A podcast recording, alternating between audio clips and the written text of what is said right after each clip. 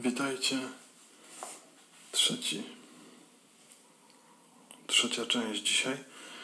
Teraz yy,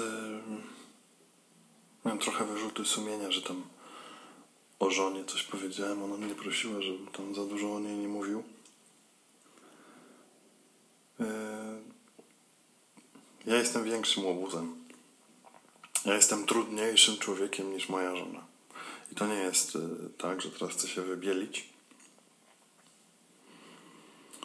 czy że chcę wybielić moją żonę. W trudności i w bólu często zapominamy, jak jest.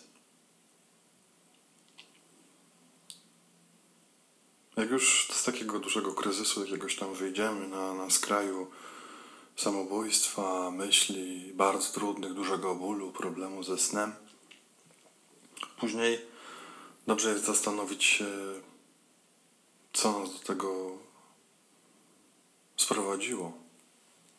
Co nas y, postawiło w tym kryzysie, w tym bólu, w tej trudności? Jakie nasze przekonania, postępowania, jakie sytuacje? Co, co to jest, co nas chce zepchnąć? Ja w moim przypadku miałem dużo takich rzeczy, których e, zakosztowałem, a później się okazywało, że to śmierć. Mówi się o grzechu. Tak powszechnie też, że grzech powoduje śmierć. No, nie każdy to rozumie. Natomiast bardziej proste i oczywiste, zbyt dużo informacji. Aktualnie mamy bardzo dużo informacji bardzo dużo dezinformacji, rozbieżnych informacji, fake newsy, tak zwane. Dobrze się od tego odciąć w momencie, kiedy nam ciężko, kiedy ciśnienie się pojawia. Ja nie wiem, co to jest, co mnie pcha do zdobywania tych informacji, do dostarczania mojemu mózgowi Natomiast y, wykasowałem Facebooka. Wykasowałem na jakiś czas, stwierdziłem, że, że nie, że dosyć. Że dosyć mam tych informacji. I naprawdę to, to mi pomogło. Chęć bycia tak perfekcyjnym we wszystkim. Dobrze zrobię. Postaram się, żeby było idealnie, żeby wszystko, wszystko super, super. No, dokręcamy śrubę, to też często mnie bardzo osłabiało. Mało sportu, mało ruchu. Kiedyś pamiętam taką spowiedź, gdzie było mi bardzo jakoś też trudno emocjonalnie. Ksiądz mówi, że no to jest normalne, no jesteśmy zwierzętami poniekąd, też mamy organizmy i potrzebujemy ruchu, więc Proszę Cię, żebyś codziennie godzinę spacerował. Dzisiaj jest bardzo trudno z tym, w tej aktualnej sytuacji spacerować w domu, jak ktoś ma małe mieszkanie, ale możemy biegać w miejscu, możemy spacerować w miejscu, możemy coś sobie włączyć i ruszać się. Jest to bardzo ważne. Otwórzcie okno, jak macie świeże powietrze i spacerujcie, dotleniajcie się. Wyrzuty sumienia. Wyrzuty sumienia. To też bardzo zależy od tego, jakie mamy sumienie. Jakie mamy myśli na temat tego, co robimy. Czy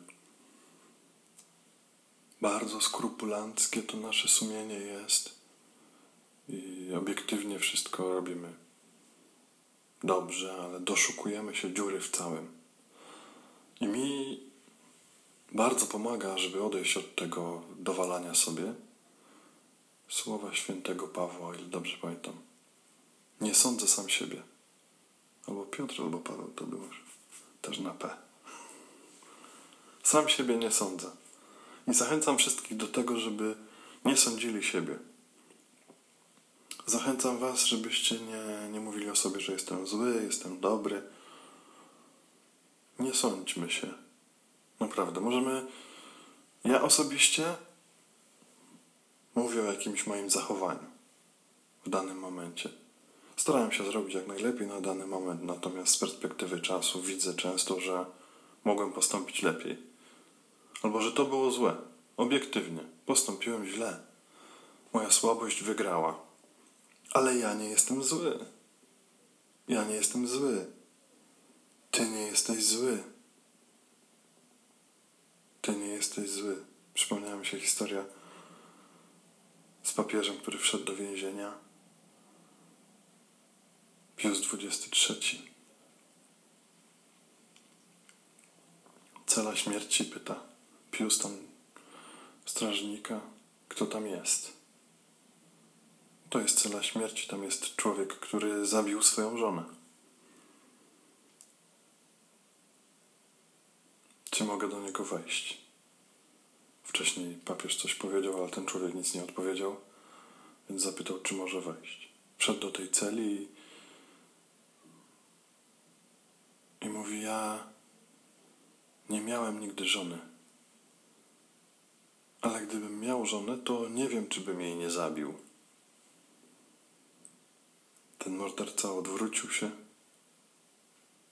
i uścisnął papieża.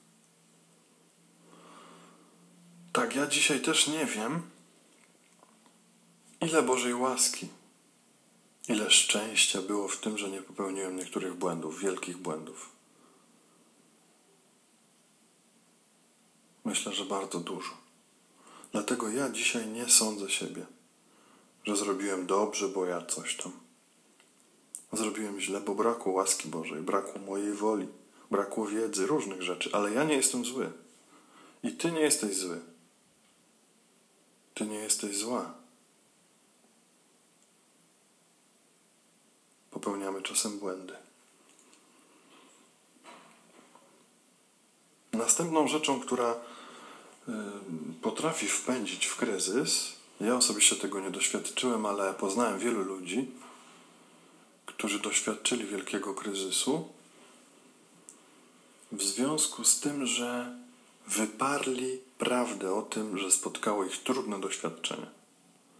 Czyli nic się nie stało. Dobra, jest dobrze. Nie, nie przesadzajmy, nie róbmy histerii, do przodu, działajmy, szukajmy rozwiązań. Nie.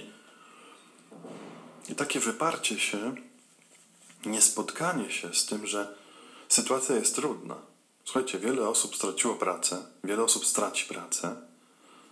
Nie wiadomo, co to jest za wirus do końca. Nie wiadomo, jak on mutuje. Nie wiadomo, co nas spotka. Kto z naszych bliskich umrze. Nie wiadomo co. Jak to się wszystko potoczy. Natomiast są jeszcze ludzie, którzy mówią: Nic się nie dzieje. Nic strasznego się nie dzieje. I to jest ich obrona jakaś, jakiś sposób re reakcji, radzenia sobie. Natomiast z mojego doświadczenia, obserwacji ludzi, którzy wypierali ten kryzys, ten trud, ten, że to jest jednak obiektywnie bardzo trudne doświadczenie. Jest to trudne doświadczenie. Żeby nie wiem co mówić, to jest to trudne.